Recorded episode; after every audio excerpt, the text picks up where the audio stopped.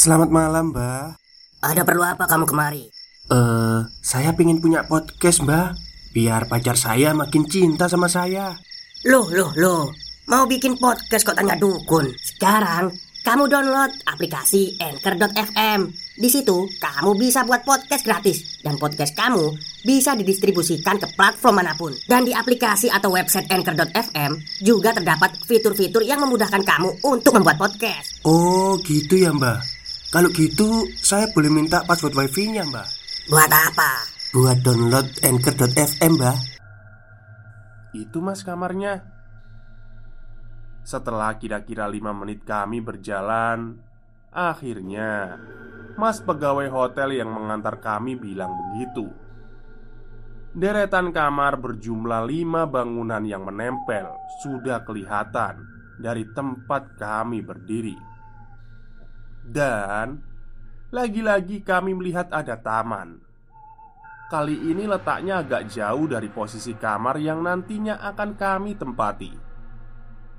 Taman ini nggak terlalu luas, tapi ada beberapa kursi besi lengkap dengan meja kecil. Ada beberapa pohon rindang juga berada di dalamnya. Nah, di taman yang kelihatannya nyaman ini, aku melihat ada seorang bapak yang sedang duduk santai sambil memperhatikan anak perempuannya yang sedang bermain. Kami sempat berpandangan dan saling melempar senyum. Sepertinya bapak dan anak itu tamu di sini juga. Aku pikir begitu. Hanya berjarak belasan meter dari taman tadi. Akhirnya kami sampai. Ini kamarnya, Ucap mas hotel sambil membukakan pintu. Kemudian kami masuk. Wah, kamarnya besar, Pi Ucap istriku pelan. Memang benar. Menurutku juga begitu. Kamar ini besar. Setelah melewati pintu di sebelah kiri adalah letak toilet berada Toilet toiletnya besar dengan bed up besar juga di dalamnya. Selain itu, isi kamar gak beda jauh dengan kamar hotel lainnya. Ada tempat tidur, meja, kursi, dan TV. Oh ya, tempat tidurnya agak berbeda. Tempat tidur besar didesain kuno berbahan kayu, dilengkapi dengan kelambu tipis di sekelilingnya, dan tentu saja ada kolam renang kecil di bagian belakang hotel private pool. Kolam renang ini berhadapan langsung dengan persawahan tanpa pagar pembatas. Tapi karena kami sampai di situ hari sudah gelap, jadi pemandangan di belakang nggak begitu kelihatan indahnya.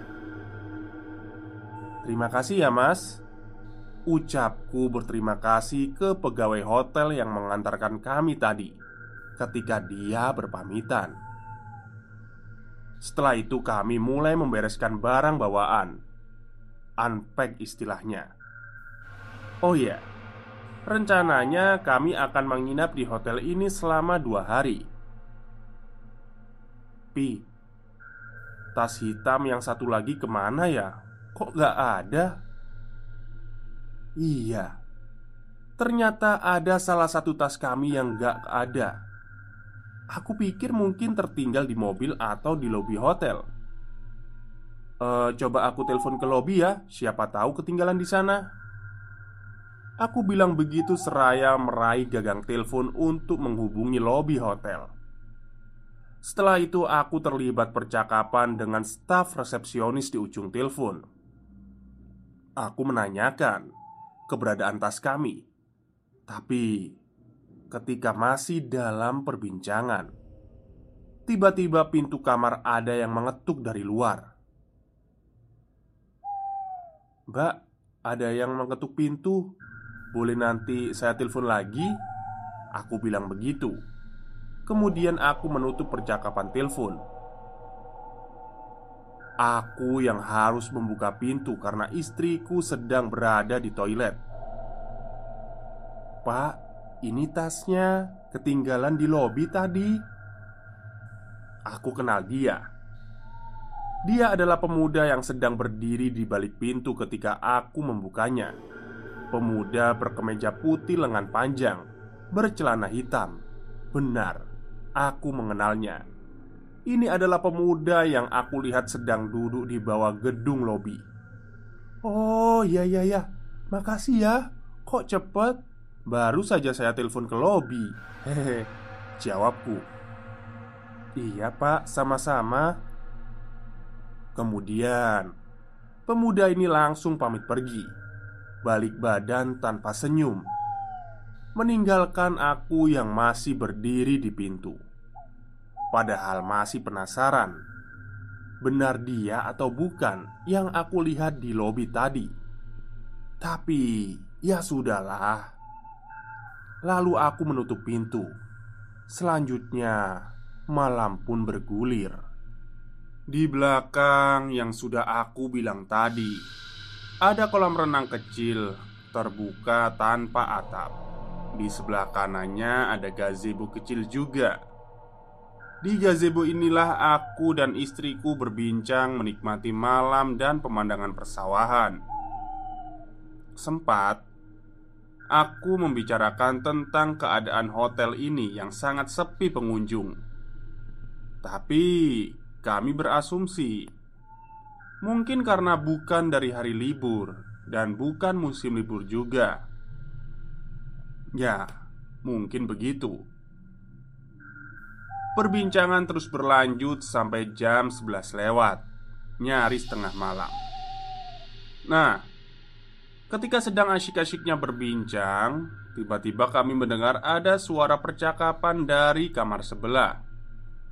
Oh ya Kamar kami ini berada di tengah-tengah Jadi di sebelah kanan kiri ada kamar lain.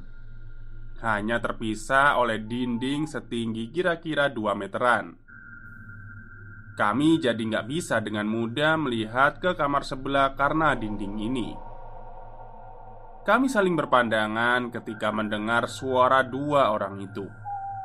Ya, ada dua orang yang kami dengar, yaitu seorang bapak yang sedang berbincang dengan anak kecil perempuan.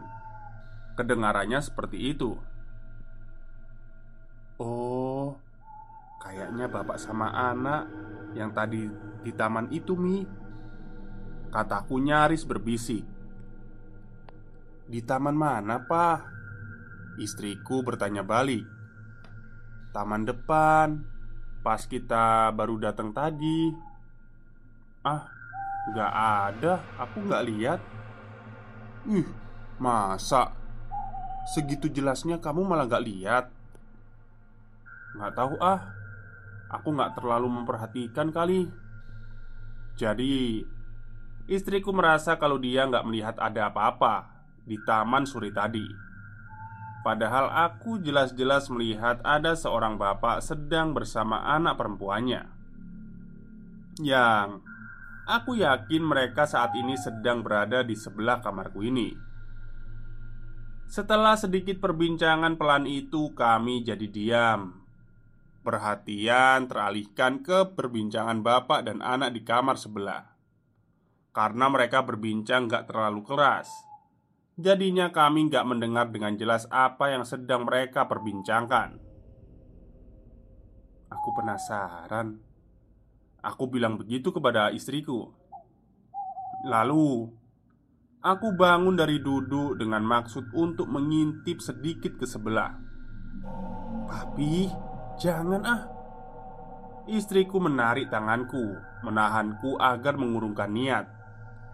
Tapi karena aku penasaran Tetap saja aku ingin melihat ke sebelah.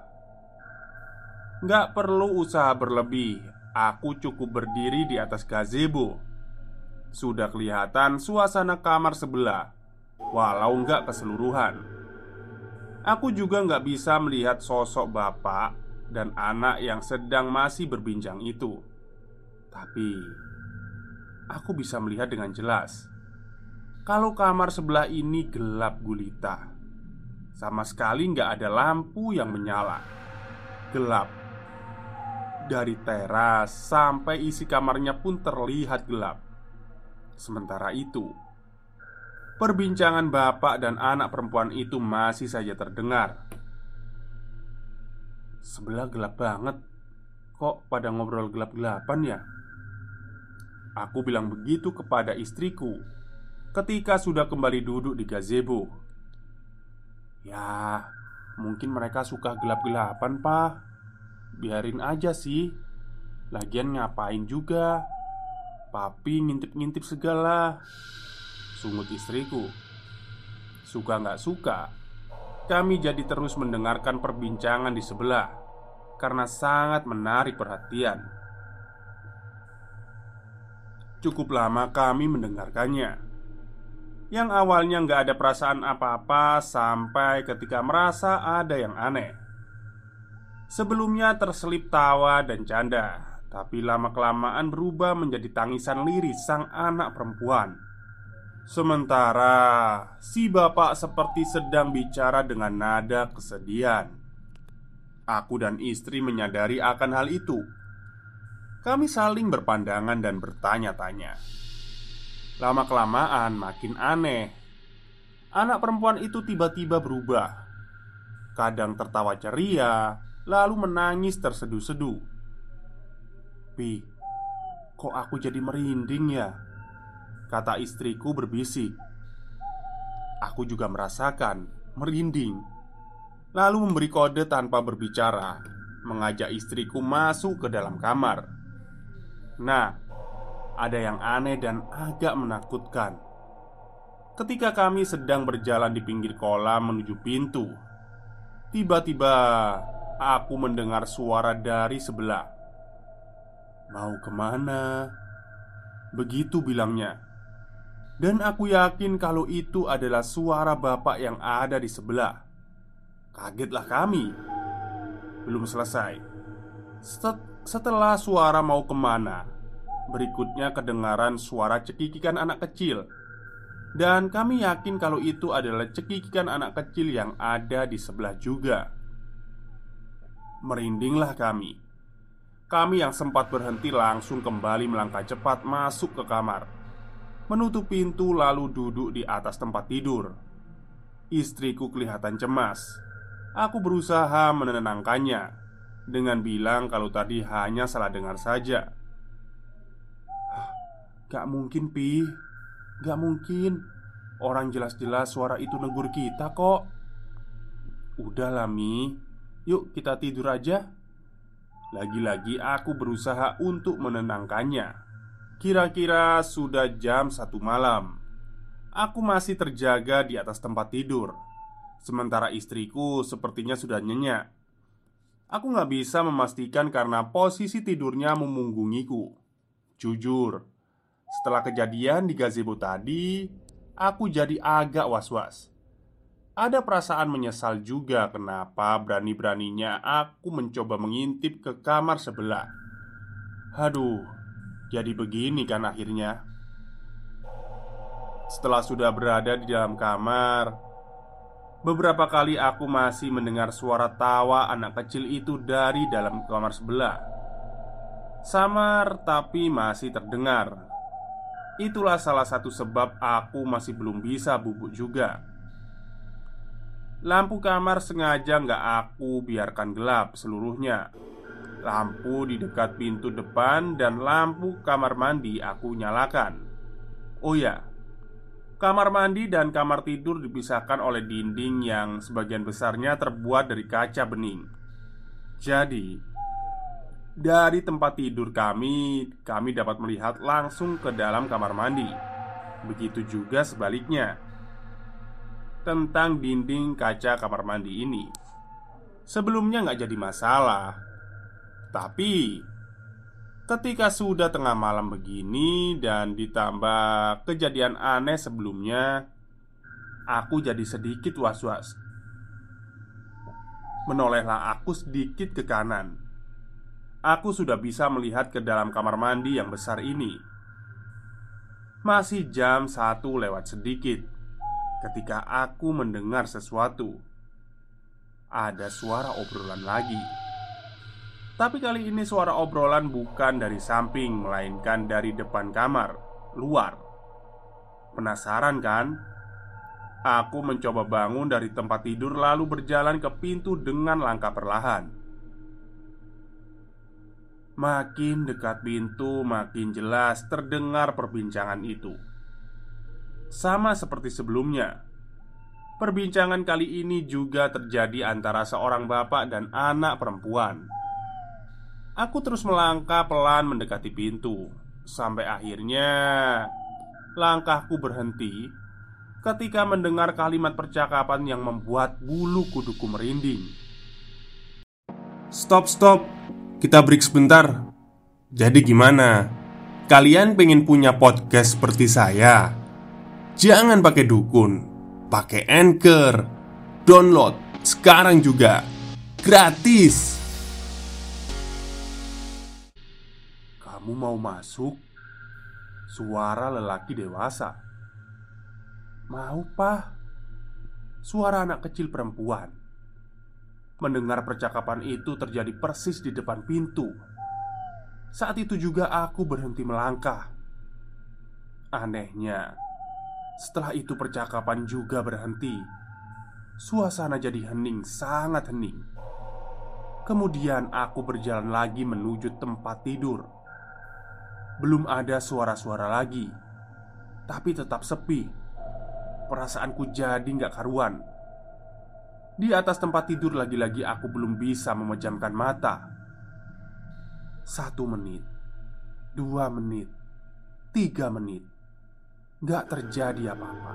Tapi entah berapa menit kemudian, aku menahan nafas karena mendengar sesuatu ada tawa anak kecil.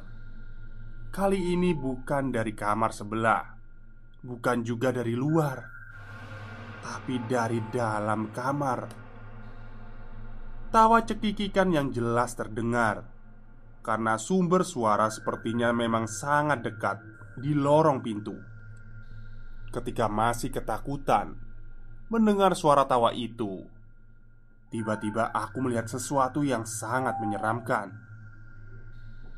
Belum secara langsung, tapi dari sudut mata aku melihat kalau ada orang di dalam kamar mandi berdiri menghadap ke kamar, menatap ke tempat tidur.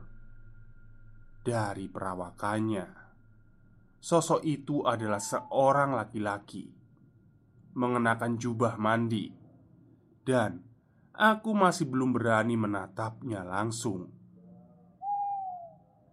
teror ini belum selesai. Masih ketakutan akan kehadiran sosok lelaki di kamar mandi itu. Tiba-tiba, dari lorong mandi muncul anak kecil, perempuan berumur sekitar lima atau enam tahun. Dia berlari kecil di dalam kamar sambil tertawa riang. Gak kedengeran langkah kakinya yang terdengar hanya suara tawanya saja. Ketakutanlah aku, bingung harus berbuat apa-apa.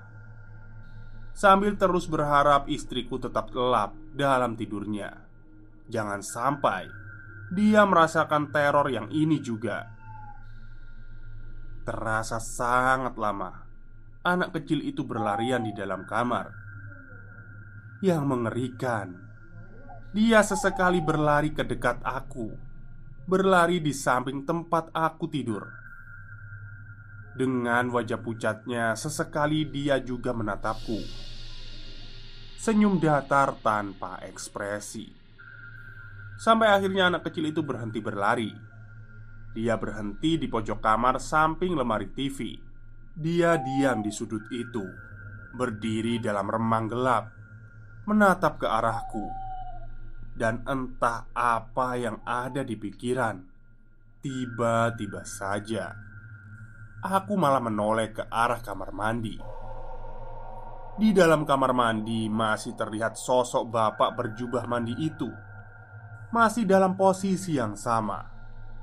Dia menatap ke tempat tidur. Di titik inilah nyaliku mulai goyah. Gak bisa berbuat apa-apa selain berdoa Sambil memejamkan mata, aku meminta pertolongannya. Tiba-tiba istriku membalikkan badan, lalu memelukku erat. "Papi," dia menyebut namaku dengan suara gemetaran dan tak ketakutan.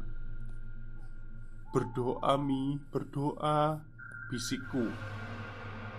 Saat inilah aku baru sadar kalau ternyata istriku juga mendengar dan melihat semuanya. Cukup lama kami berdoa sambil terpejam. Sampai akhirnya beberapa saat, beberapa saat kemudian Aku berani membuka mata. Sosok seram bapak dan anak itu sudah nggak ada. Sudah nggak berada di dalam kamar lagi. Sudah nggak ada Mi. Pi Kita harus pergi dari sini. Aku nggak mau. Serem Pi. Istriku bilang begitu Ya sudah, ya sudah. Tanpa berdebat, aku langsung setuju. Bergegas, kami berganti baju, lalu keluar kamar, pergi menuju kendaraan. Apakah selesai? Belum. Perjalanan dari kamar menuju parkir kendaraan cukup jauh, kurang lebih lima menit berjalan kaki. Selama perjalanan sangat sepi karena memang masih jam 2 pagi. Ditambah hotel yang sepertinya sepi penghuni ini. Kami berjalan cepat Bergegas agar sampai tempat parkir. Entahlah ketika sudah berapa menit perjalanan Kami yang tadinya hanya bergandengan tangan Tiba-tiba saja istriku memeluk erat Kembali terlihat ketakutan.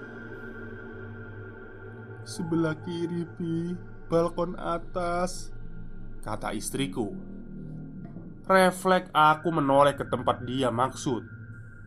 Benar saja Di salah satu villa bertingkat Di balkon Di atasnya berdiri sosok bapak-bapak berjubah mandi Dan seorang anak kecil perempuan Persis sekali Yang mampir ke kamar kami. Mereka berdua berdiri Memperhatikan dalam remang gelap Makin cepat langkah kami melihat itu. Syukurlah. Akhirnya Sampai juga di parkiran. Setelahnya kami bergegas meninggalkan hotel Mencari tempat yang masih ada orang berkegiatan. Paginya kami kembali ke hotel untuk mengambil barang-barang. Kami memutuskan untuk nggak jadi menginap dua malam Memilih untuk pindah ke hotel lain Singkat cerita, setelah sarapan kami langsung check out. Ada percakapan dengan resepsionis ketika kami menyerahkan kunci. Maaf, Pak. Eh, kemarin tasnya udah ketemu? Tanya Mbak resepsionis. Oh, ketemu, Mbak. Kan diantarkan oleh pegawai hotel. Maaf ya, saya belum sempat kasih tahu. Jawabku. Oh, begitu. Uh, maaf pak, bapak ingat pegawai hotelnya siapa? Tanyanya lagi. Sepertinya pegawai magang mbak. Berseragam hitam putih. Jawabku lagi. Hmm, baiklah pak. Mbak resepsionis ini kelihatan aneh. Bicaranya gugup. Nggak tahu kenapa. Tapi kami nggak ambil pusing dengan itu. Cuma ingin cepat pergi dari hotel menyeramkan ini. Setelah selesai Lalu aku kembali ke mobil dan langsung pergi. Tapi masih penasaran, aku masih, masih merasa ada yang gak beres. Se sebelum keluar, di pos satpam aku berhenti lalu turun dari mobil. Pak, kemarin di sini ada karyawan magang yang berseragam hitam putih. Sekarang orangnya di mana ya? Saya cuma mau terima kasih karena sudah mengantarkan tas saya kemarin malam. Tanyaku kepada Pak Satpam. Waduh Pak di sini sudah lama nggak ada pegawai magang. Pak Nggak ada juga karyawan yang berseragam hitam putih. Mungkin Bapak salah lihat? Kalau ada, saya pasti tahu kok. Begitu jawaban dari Pak Satpam. Hai, balik lagi ke gue Bri Cukup sekian cerita malam ini. Semoga bisa mengobati rindu. Tetap jaga kesehatan biar terus bisa merinding bareng. Sampai jumpa minggu depan. Salam Bri. Baik, itulah cerita panjang dari Mas Bri Story. Setelah lama tak bersua ya, akhirnya menulis cerita lagi di Twitter. Oke, mungkin itu saja cerita pendek dari cerita panjang ya. Cerita panjang dari cerita horornya Mas Bri. Kurang lebihnya saya mohon maaf. Wassalamualaikum warahmatullahi wabarakatuh.